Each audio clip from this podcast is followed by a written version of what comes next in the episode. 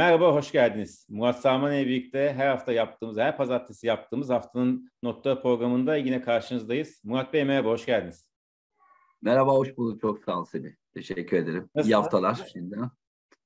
İyiyiz vallahi işte ya. Ee, hareket başladı işte. Sezon e, finali demiştir. Tam sezon finalinin içindeyiz şu anda.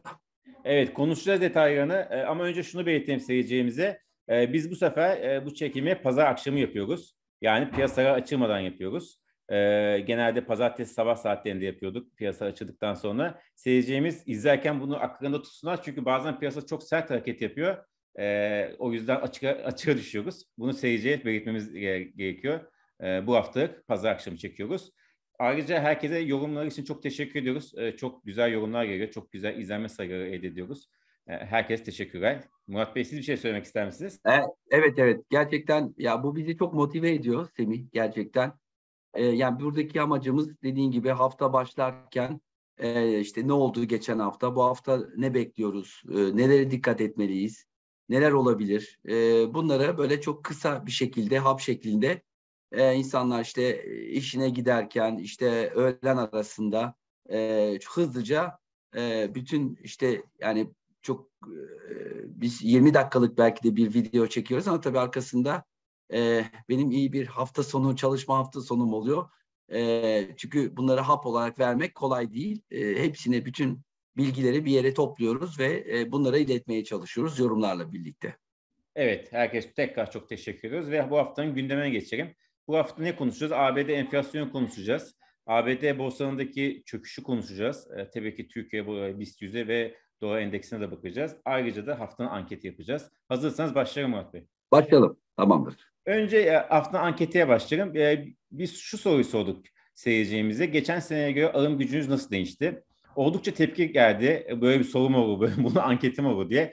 Ama biz biraz da tabloyu ortaya koymak için bu soruyu sorduk.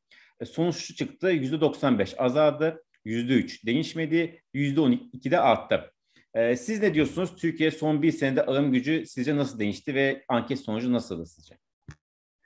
Ya Semih şöyle e, ya tepki gelmiş olabilir tabii ki ama aslında doğru bir anket çünkü şöyle düşün. E, bir tarafta hükümet diyor ki biz vatandaşı işte enflasyonla ezdirmeyeceğiz diyor. Ezdir, ezdirmiyoruz diyor. E, diğer taraftan da çok e, ciddi bir şekilde satın alma gücü kaybı var burada. E, sebebi şu, e, evet asgari ücret artışları geliyor, e, işte emekli maaşları artıyor ama enflasyon kadar artmıyor. Şimdi e, enflasyon kadar artmıyor dediğimiz şu, enflasyon kadar artsa da gerçek enflasyon kadar artmıyor. Çünkü bütün bu artışlar geriden geliyor e, ve e, TÜİK enflasyonunu e, baz alıyor. Fakat TÜİK enflasyonunda bugün çok kısaca böyle bir özet yapalım. Yani 83,5 e, TÜİK enflasyonu.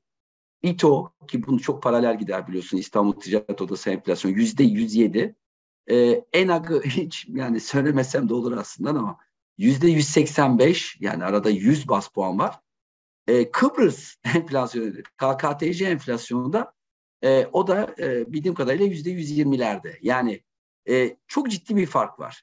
E, diğer tüm enflasyonlarla birlikte. Onun için e, bu anketin böyle çıkması yani bana anketten önce sorsan yüzde doksan derdim yani çünkü e, bunu hepimiz çok e, net bir şekilde e, hissediyoruz. Onun için zaten e, bir önceki programda yani bunu meslektaşlarım da söylüyor. Evet. E, önemli bir asgari ücret artışı bekliyoruz. E, çünkü seçime gidiyoruz ve seçimde bir şekilde hükümet bunu kompanse etmeyi isteyecektir. Evet, Cumhurbaşkanı Erdoğan biz bu yayını e, gerçekleştirmeden birkaç saat önce de zaten e, bu yönde bir açıklama yaptı. Tekrar altını çizdi. Muhtemelen yüksek bir e, ücret artışı gerçekleşecek. Peki şimdi bu haftanın herhalde e, en çok takip edilecek, en yakından takip edilecek verisi ABD enflasyonu değil mi? Tabii.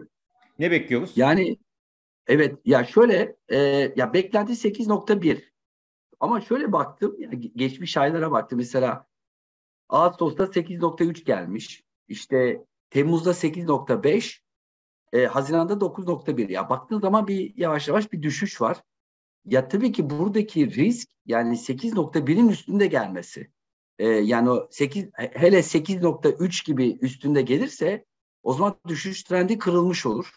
E, burada tabii e, 8 ya da 8'in altı gelmesi e, açıkçası piyasalar için olumlu olur. E, o cuma gün gördüğümüz e, işte tarım dışı onu, ondan da bahsedeceğiz. E, işte en önemli verilerinden bir tanesi belki de en önemlisi tarım dışı istihdamla birlikte. Tarım dışı cuma günü 250 beklenirken biliyorsun 263 bin geldi. İşte işsizlik 3.7 beklerken 3.5 geldi. Yani bu tabii ki bir panik getirdi piyasalarda. Ee, çok sert bir düşüş oldu e, Cuma günü. E, çeyreğe çok iyi başlamıştık. Aslında genellikle böyle çeyreklerde e, e, yurt dışı piyasalarında böyle olumlu başlangıçlar hep görmeye alışığız.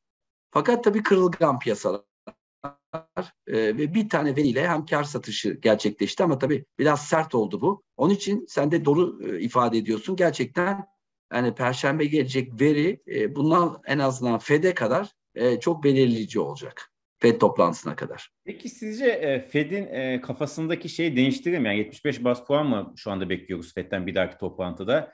E, buradaki bir ters bir veri ve beklentiden çok farklı olan bir veri bu. E, 75 bas puanlık faiz artışı ihtimalini azaltır ve arttırır veya derecesini tabii ki. Yani böyle ya sıfır bir şeyler puan 100 bas puan gibi yani yüzde sıfır bir bir e, yanılma enflasyonda beklentiye göre çok fazla bir şey değiştirmez ama yani e, şu anda 75 bas puan artık yapacak gibi gözüküyor ama hani çok düşük bir enflasyon gelir. Hani bunu acaba 50 bas puan bu sefer daha fazla fiyatlanmaya başlar. Bu da tabii ki piyasalar için tekrar bir e, yükselişin çok ciddi bir e, bahane olur. Buradaki en büyük risk tabii enflasyonun böyle e, geçen ay gibi gelmesi ya da geçen ayın daha yükseğinde gelmesi tabii çok ciddi bir sıkıntı yaratar. Yani bu, bu sefer 100 bas puan e, fiyatlanmaya başladığı zaman yine piyasalarda ciddi bir e, volatilite yaşarız. Peki Murat Bey buradan içeriye geçelim. E, Cuma günü ciddi bir düşüş yaşandı Amerika borsalarında ve bizim borsamızda e, yani biz bu yayını izleyenlere de açılmış olacak.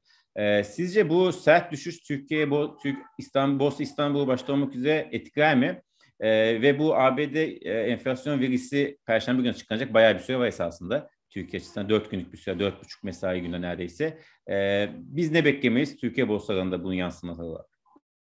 Bu yan tabii e, izleyen yatırımcılar borsada açılmış olacak. Tabii bu sert bir düşüş oldu. Muhtemelen bir kısmı bize yansıyacaktır ama e, izleyenler de özellikle, özellikle bu işin içinde olanlar biliyorlar ki bu korelasyon son dönemde biliyorsun çok azaldı. E, çünkü yabancı yatırımcı neredeyse kalmadı işte yüzde 75 70 75 paydan işte yarı yarıya indi şu anda. 35'lerde yabancı payı borsada. Tahvilde daha da yani yüzde 30'lardan yüzde 3 3,5'lara indi. Ee, onun için yabancı yatırımcı oranı çok düştü. Ee, işte içeride de biliyorsun borsa harici çok fazla alternatifte kalmadı. Çünkü e, gittikçe bu negatif reel faiz e, farkı gittikçe artıyor e, işte KKM belirli bir yere geldi. Onun için e, borsa en azından enflasyondan korunmak için çünkü enflasyondan dolayı şirketlerin değer kazanacağı e, artık belli.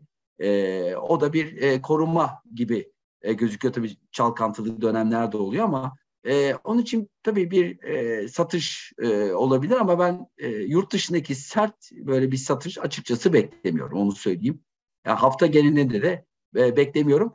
Tabii ki enflasyon verisi e, bu işi değiştirebilir. Yani çok yüksek bir veri gelmesi, e, yine yurt dışında sıkıntı e, yaşanması tabii ki bu bir, bir kısım bizi etkileyecektir ama e, şu, tekrar söyleyeyim yani yurt dışı piyasalarla e, yabancı yatırım az e, ya, yabancı yatırımcı azaldığı için korelasyon çok ciddi bir şekilde azaldı son dönemde.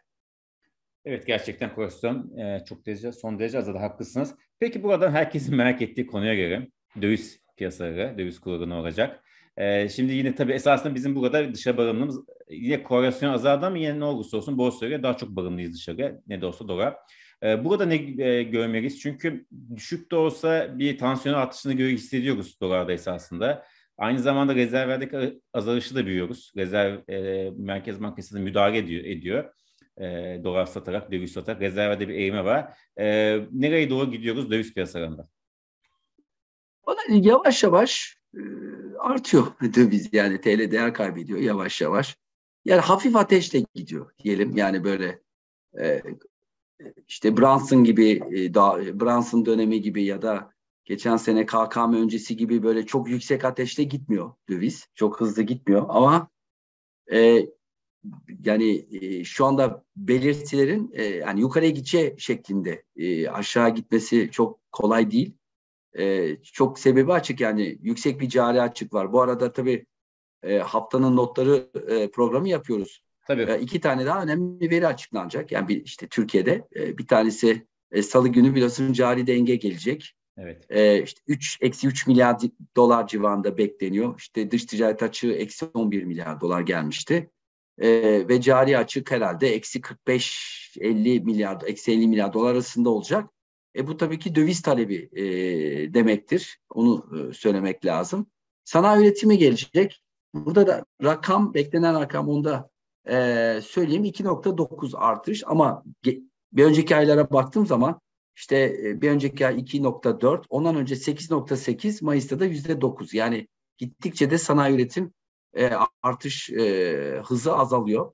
E, e, şunu gösteriyor, e, kurdaki baskı e, muhtemelen e, devam edecek. Hele bir de biliyorsun faiz indirimleri de artık belli. Yani devam edecek. Evet. Ee, işte Goldman Sachs e, yüzer bas puan indirim beklediğini söylüyor. Bir ben de bekliyorum. Yani çoğu da bekliyor. Meslektaşlarım da bekliyoruz. Artık o Çünkü, sanki değil mi?